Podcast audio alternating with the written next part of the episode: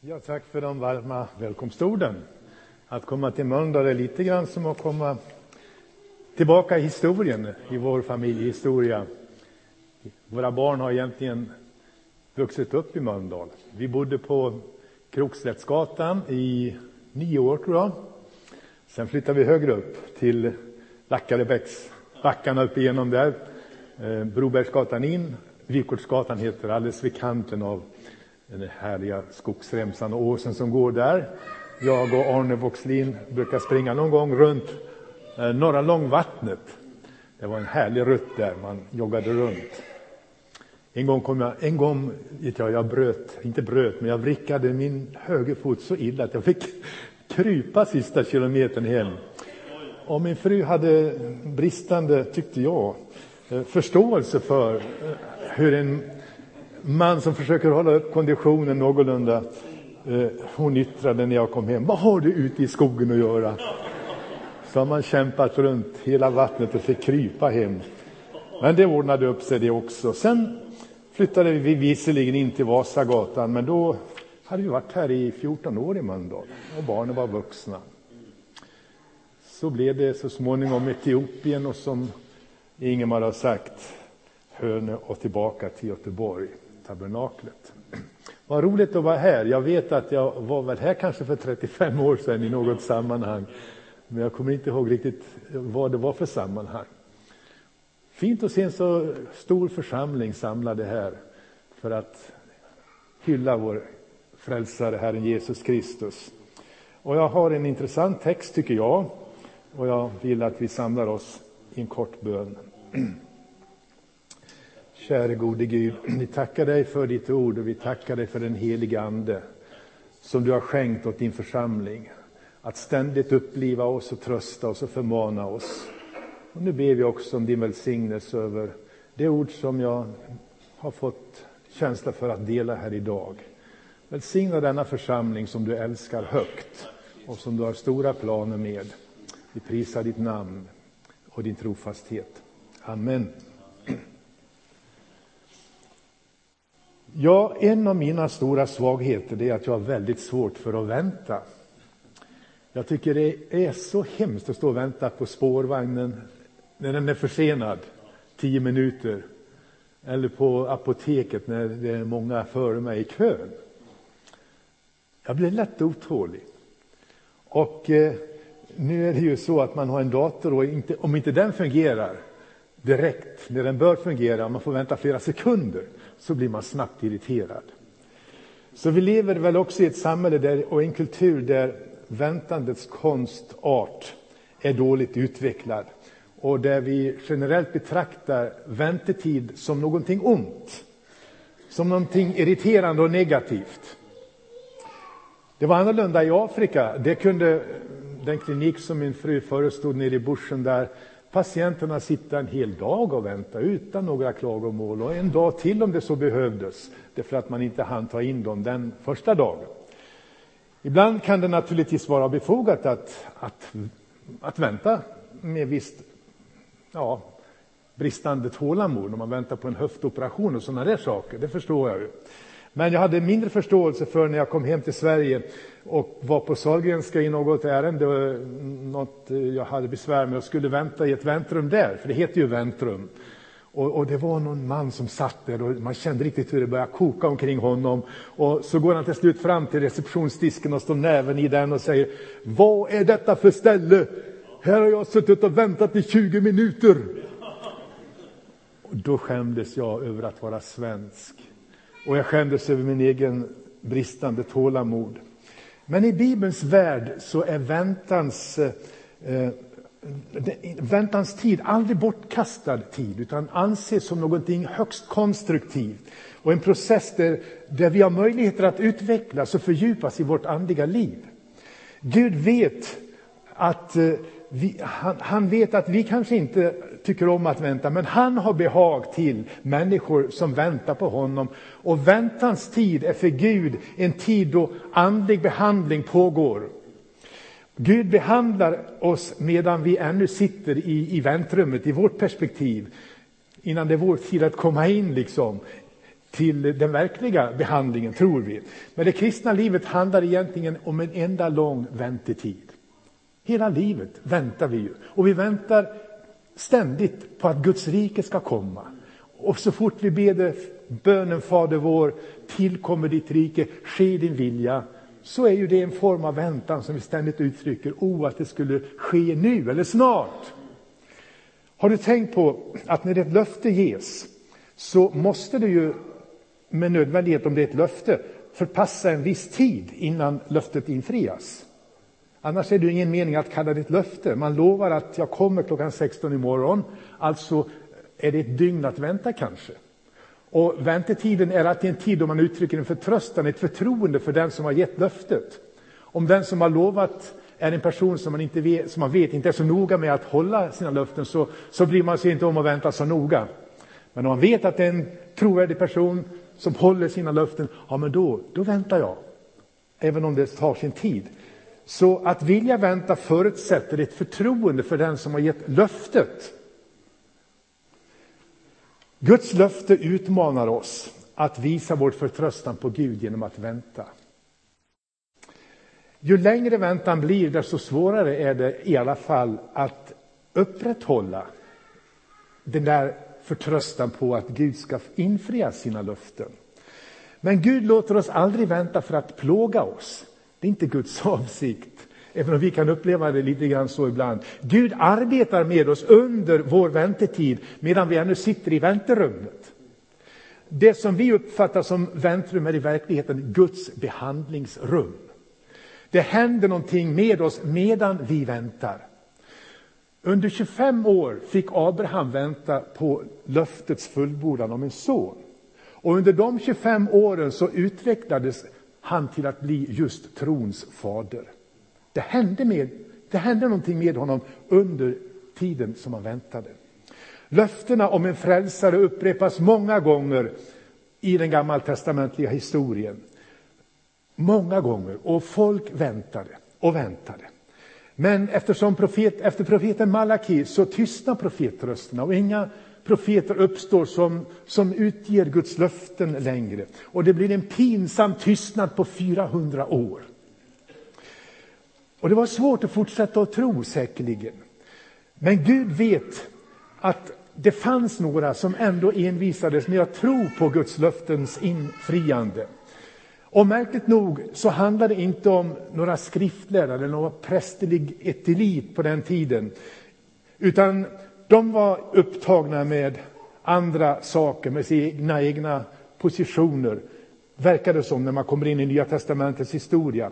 Så Gud går förbi, går förbi hela den religiösa eliten och nöjer sig med ett par åldriga pensionärer som ansåg det eh, fortfarande viktigt att tro på Guds löften.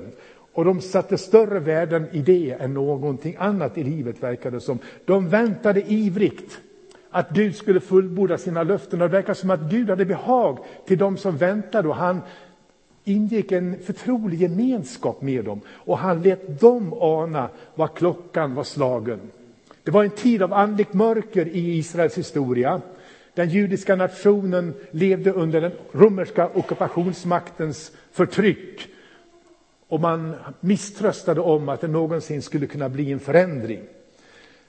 Men Gud visste vad han hade, de som väntade på honom. Och han visste att han kunde liksom samarbeta med dem. Det verkar nästan så här, tycker jag, att Gud ser vilka som väntar på honom och de upprätthåller han ett intimt samarbete med. Det är nästan som om, det, som om de lockar till sig den helige Andes som samarbetspartner. För det står nu om en av dessa åldriga pensionärer, ni vet säkert vilka jag syftar på, jag ska ta en av dem den här morgonen. Han heter Simeon. Lukas ger oss en kortfattad, mycket innehållsrik presentation av den här gamle mannen. Det står att han var rättfärdig, han var gudfruktig och han väntade på Israels tröst. Han väntade. Simon tillhörde alltså de som väntade, inte på vad som helst, utan han väntade på ett överväldigande stort löfte som Gud hade gett gång på gång under Israels historia. Han väntade på Israels tröst, att den skulle komma. Han väntade på det som Gud hade lovat Abraham 2000 år tidigare och som hade med en välsignelse som skulle tillfalla alla släkten på jorden att göra. Simon var medveten om det andliga mörker som rådde i nationens historia. Allt sedan begynnelsen egentligen hade detta folk hållit på att avfalla från Guds vägar, gång på gång. Och det hade slutat så illa att deportationen av de tio stammarna i norr till Syrien, Assyrien skedde 722 f.Kr. och senare också Juda och Benjamin till Babylonien 586 f.Kr. De var kuvade av andra världsvälden. De kom tillbaka visserligen i en skara och återuppbyggde templet, men de var fortfarande under, först under, Pers, under Persiens hårda hand, under grekerna och nu under romarrikets kuvande händer. När skulle den utlovade trösten komma? När skulle det skönjas ljus i mörkret för detta folk igen? I Simons hjärta brann det en längtan efter att Gud skulle fullborda sina löften. Och Gud hade sett Simons ivriga längtan. Och det står att den heliga ande var över Simon. Därför att han längtade och han väntade. Och det fascinerande det är en fascinerande beskrivning det här att den helige ande var över Simon. Kan man säga att, som jag antydde, att Simons ivriga längtan gjorde att den helige ande trivdes att vara över Simon. Den helige ande såg i Simon en, en, en möjlig samarbetspartner. Han lockade till sig liksom den helige ande. Den helige ande var över honom och utövade ett profetiskt inflytande över Simons liv. Och på ett hemlighetsfullt sätt, och jag tror inte helt utan förtjusning, hade den heliga ande uppenbarat för Simeon att han inte skulle behöva se döden förrän han hade sett Guds frälsning med sina egna fysiska ögon. Kan du tänka dig? Vilken, vilken förunderlig eh, förhållande mellan den heliga Ande och Simon. Du ska inte behöva dö Simon, du ska få se Guds frälsning. Men eftersom Simon var till åren kommen vi vet inte exakt, så måste det ju med nödvändighet ske snart, tänkte Simon. Och mycket riktigt, han väntade dag efter dag, månad efter månad, kanske år efter år, vi vet inte. Men en morgon vaknar han och med en sällsam känsla av att nu börjar det brännas. Nu ska saker och ting ske. Och det är storslaget att se när man läser texten hur den helige ande ledde Simon denna sista eller kanske åtminstone denna största dagen i hans liv. I enlighet med den helige Andes träffsäkra regi så var det just den här dagen då Jesu föräldrar hade, avsikt, hade för avsikt att bära fram Jesusbarnet i templet och helga honom som man gjorde med förstfödda gossebarn. Det var ungefär 40 dagar efter Jesu födelse, sju veckor efter födelsen. Och det lät det var just den dagen som alltså den heliga ande väcker Simon och säger nu Simon, nu, nu ska du skynda dig till templet. För nu är det grejer på gång. Och eh, det var spännande. Det här väntetillståndet kommer att upplösas i en spännande regi av den helige ande som alltså får, ge, får Simon, eller vill ha Simon på plats just när Jesu föräldrar träder in på tempelområdet. Det var ingen uppståndelse i Jerusalem den här dagen. Det kommer ett par makar från, Jerus från Nasaret, ett par enkla makar, fattiga makar med ett litet barn i sina armar. Ingen anar tydligen att det är världens frälsare som bärs fram där på Jerusalems gator. Egentligen borde man ju stå längs gatorna i, i stora led och, och hylla den, den nyfödde konungen. Men ingen förstod detta. Det var en mörk tid, andligt mörk tid. Man var blinda för det stora som hade skett i Betlehem några veckor tidigare. Att alla gamla testamentets löften och om en framtid och ett hopp för detta folk var knutet till ett litet gossebarn som du bars fram genom Jerusalems gator på väg upp mot templet. Folk förstod inte det stora som var görningen. Det var bara ett par pensionärer som visste vad som var på görningen den här dagen.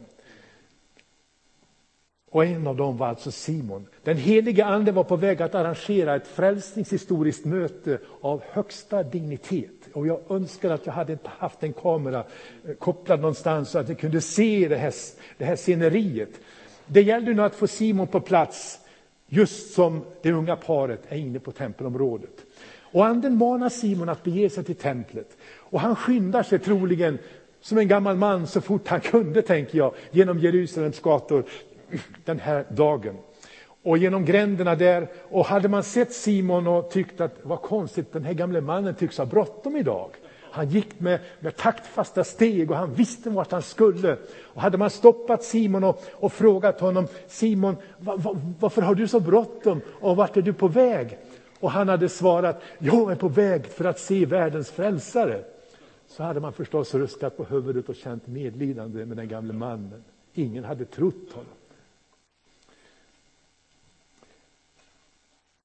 Inne på tempelområdet så var det säkert många, ja mycket människor som det var dagligen där och kanske också en hel del föräldrar med sina små barn som i likhet med, med Jesu föräldrar bar fram sina förstfödda för att helgas åt Herren. Så det såg ju, man kunde inte se vilka som var nödvändigtvis makarna från Nasaret. Så Simon kommer in där och han tittar med vaksamma nyfikna ögon. Vilka kan det vara? Och plötsligt får han syn på paret från Nasaret och den helige ande uppfyller honom med visshet om de är det. Och han går fram till det här paret och utan att presentera sig så, så, så går han fram och säger så märkligt, kan, jag få hålla era, era, eran son? Och de tittar lite hemligt, lite märkligt på den här mannen som det måste ju vara märkligt att en främling kommer, en äldre främling kommer och ber att få hålla deras barn plötsligt.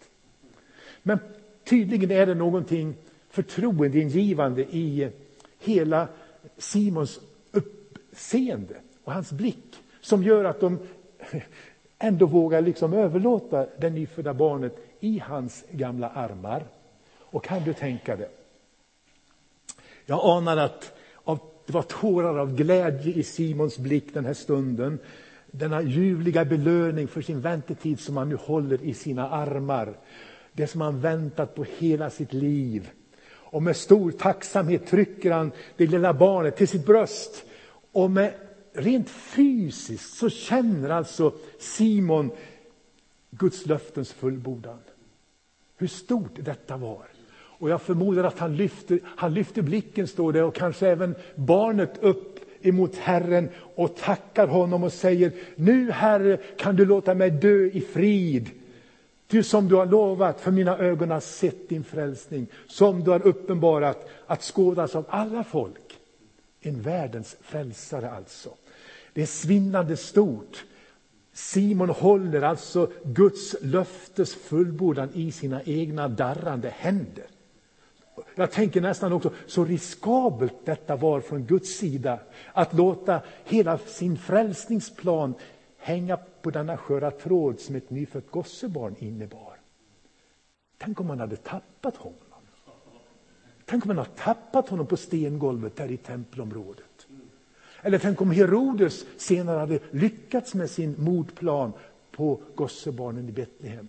Så riskabelt det var för Gud att bli människa, ett litet gossebarn i en nyfödd baby. Det sköraste som finns i den mänskliga tillvaron. Men nu jublar Simon. Och han säger, jag har ingenting mer att önska av livet. Jag är fullständigt tillfreds. Jag kan dö nu, Herre. Jag kan gå hem och dö. Jag är beredd att dö. Jag har sett din frälsning. Jag har sett någonting mycket vackert.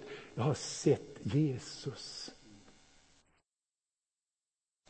Och Simon går hem den dagen fullständigt tillfreds med livet.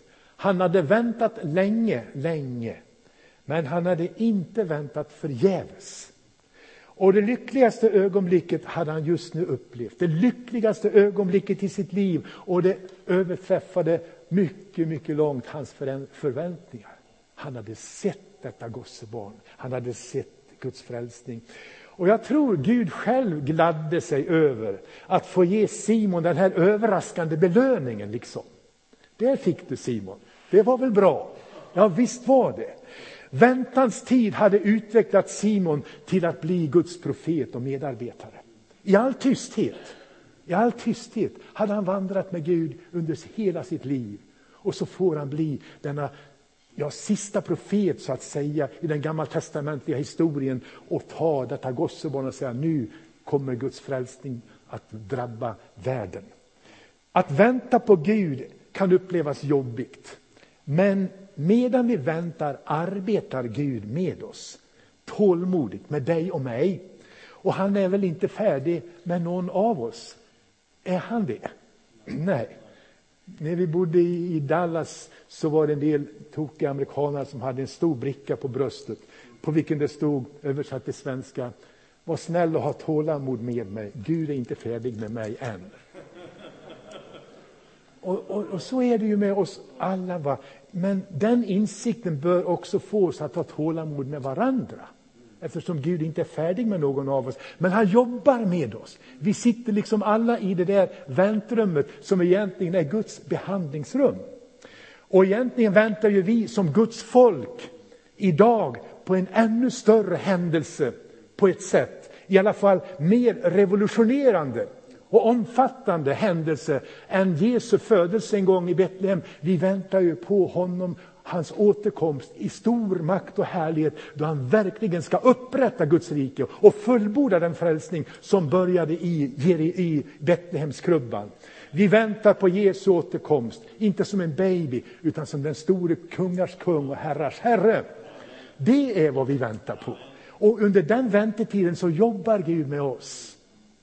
Vad vill då Gud åstadkomma med oss medan vi väntar? Det kan ju vara intressant att säga till avslutning. Vad vill Gud? Vad är det han vill så att säga få fram i våra liv, i vår karaktär och allt detta? Man kan kalla det väntandets livsstil vill Gud, Gud åstadkomma. Och som har mycket med relationerna oss emellan att göra. Petrus skriver, därför mina älskade, när ni väntar, när ni väntar, gör allt ni kan för att leva i frid, rena och oförvitliga inför honom. Gör allt ni kan. Det är alltså var ivriga, ansträng er till det yttersta, bespara er ingen möda, utan försök att göra allt för att leva i fred med varandra, i frid med varandra och vara rena och oförvitliga inför Gud. Det är väntandets livsstil. Petrus menar tydligen, som skrev det här i sitt andra brev, att detta är så viktigt att det är värt varje ansträngning från vår sida. Vi är ju en kropp, men vi är ingen stålmanskropp, vi är en ömtålig kropp som rätt kan såras och få sina blåmärken. Därför måste vi vara aktsamma om varandra medan vi väntar på honom vars kropp vi är. Och så står det till sist i andra Petrus 3 också. Då nu alltså detta går med sin upplösning, hur heligt och gudfruktigt ska ni då inte leva medan ni väntar på Guds dag och påskyndar dess ankomst? Kan du tänka dig? Lade du märke till det? Påskynda Kristi dag genom vårt sätt att leva.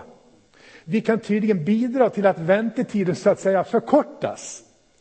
Rent historiskt Genom att Kristi tillkommelse närmar sig allt mer på grund av att vi har mognat för den dagen. Man kanske till och med ska säga så här att tänk om det är så att Gud väntar på oss mer än att vi väntar på Gud. Gud väntar på att vi ska vara färdiga för hans ankomst. Om vi alltså älskar, Gud, älskar att Guds vilja ska upprättas på jorden så är vi ivriga att leva i harmoni med varandra. Och vi är ivriga att bereda vägen för honom så att han känner sig välkommen när helst han kommer. Och vet du, där vi är nu i behandlingsrummet allihop, allihop eh, där Gud jobbar med oss, så har han ett särskilt instrument som får oss att vilja vara heliga och gudfruktiga och leva i harmoni med varandra. Vet du vad han har för instrument att jobba med? Han kommer in som den store läkaren och han, han så applicerar det här instrumentet. Han medvetande gör oss för det här instrumentet som han jobbar med. Vet du vad det är? Det är ingenting annat än Guds gränslösa nåd. Det står så här i Titusbrevet Guds nåd fostrar oss att säga nej till ogudaktighet och att leva anständigt, rättfärdigt och gudfruktigt i den tid som nu är, medan vi väntar. Medan vi väntar. Vad är det som motiverar oss till ett annorlunda liv? Guds gränslösa nåd.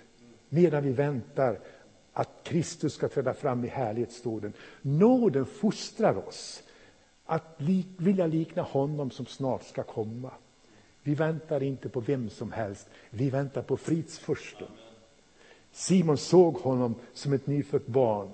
Vi väntar honom som den store frälsaren och fredsfursten och kungars kung som ska stilla alla strider på jorden. Det ska bli slut med alla bombattentat, med alla krig, med alla våldförande på barn och allt detta onda som just nu smutsar ner vår jord. Det ska, det ska utplånas, det ska inte finnas längre. Utan han ska göra slut på strider som består intill jordens yttersta gränser. Därför vill vi vara ett folk som redan nu lever i den väntans tid, i frid och harmoni med varandra, så att fridsfursten känner sig välkomnad när han kommer.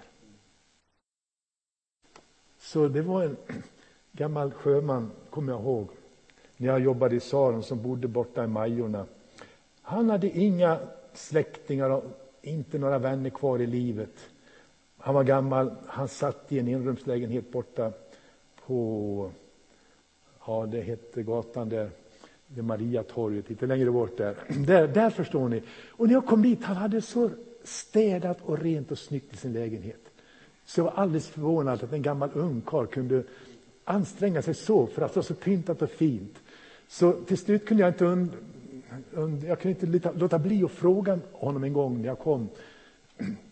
Oskar, hur kan det komma sig att du har så fint i din lägenhet jämt? Det var trasmattorna låg så fint utsträckta på golvet, det var duk på bordet, det var blommor, det var så. Ja, ja, sa han, ifall någon skulle komma. Och jag visste, det kom ingen till Oskar. Men, men han ville ändå, om någon skulle komma, så skulle den eventuella gästen känna sig välkommen. Precis så är det med att vänta på Kristus. Vi vill hålla rent och snyggt i våra liv ifall han kommer idag. Det var en kvinna i Texas som hade en enda liten skylt på sitt nattduksbord. Hon var gammal hon också. Och det stod bara Maybe today. Kanske idag. Kanske idag. Och med den morgonhälsningen gick hon upp och tog sig an ytterligare en dag för att leva till hans ära. Ifall han kommer idag. Amen. Tack käre gode Gud.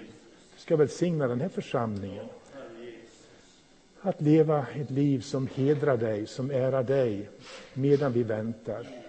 Det är så lätt att vi blir otåliga. Vi, vi vet ju hur lätt vi blir irriterade när vi ska vänta på någonting. Men du har tålamod med oss, Herre. Du överger oss inte. Och du har behag till att vi väntar på dig och vi längtar efter dig. Välsigna den här församlingen här i Mölndal som har en viktig funktion att fylla. Att vara ett ljus, att vara ett hopp för människor i de här kvarteren, i den här staden. Tack att du håller din goda hand över dem med din nåd. I Jesu underbara namn. Amen. Amen.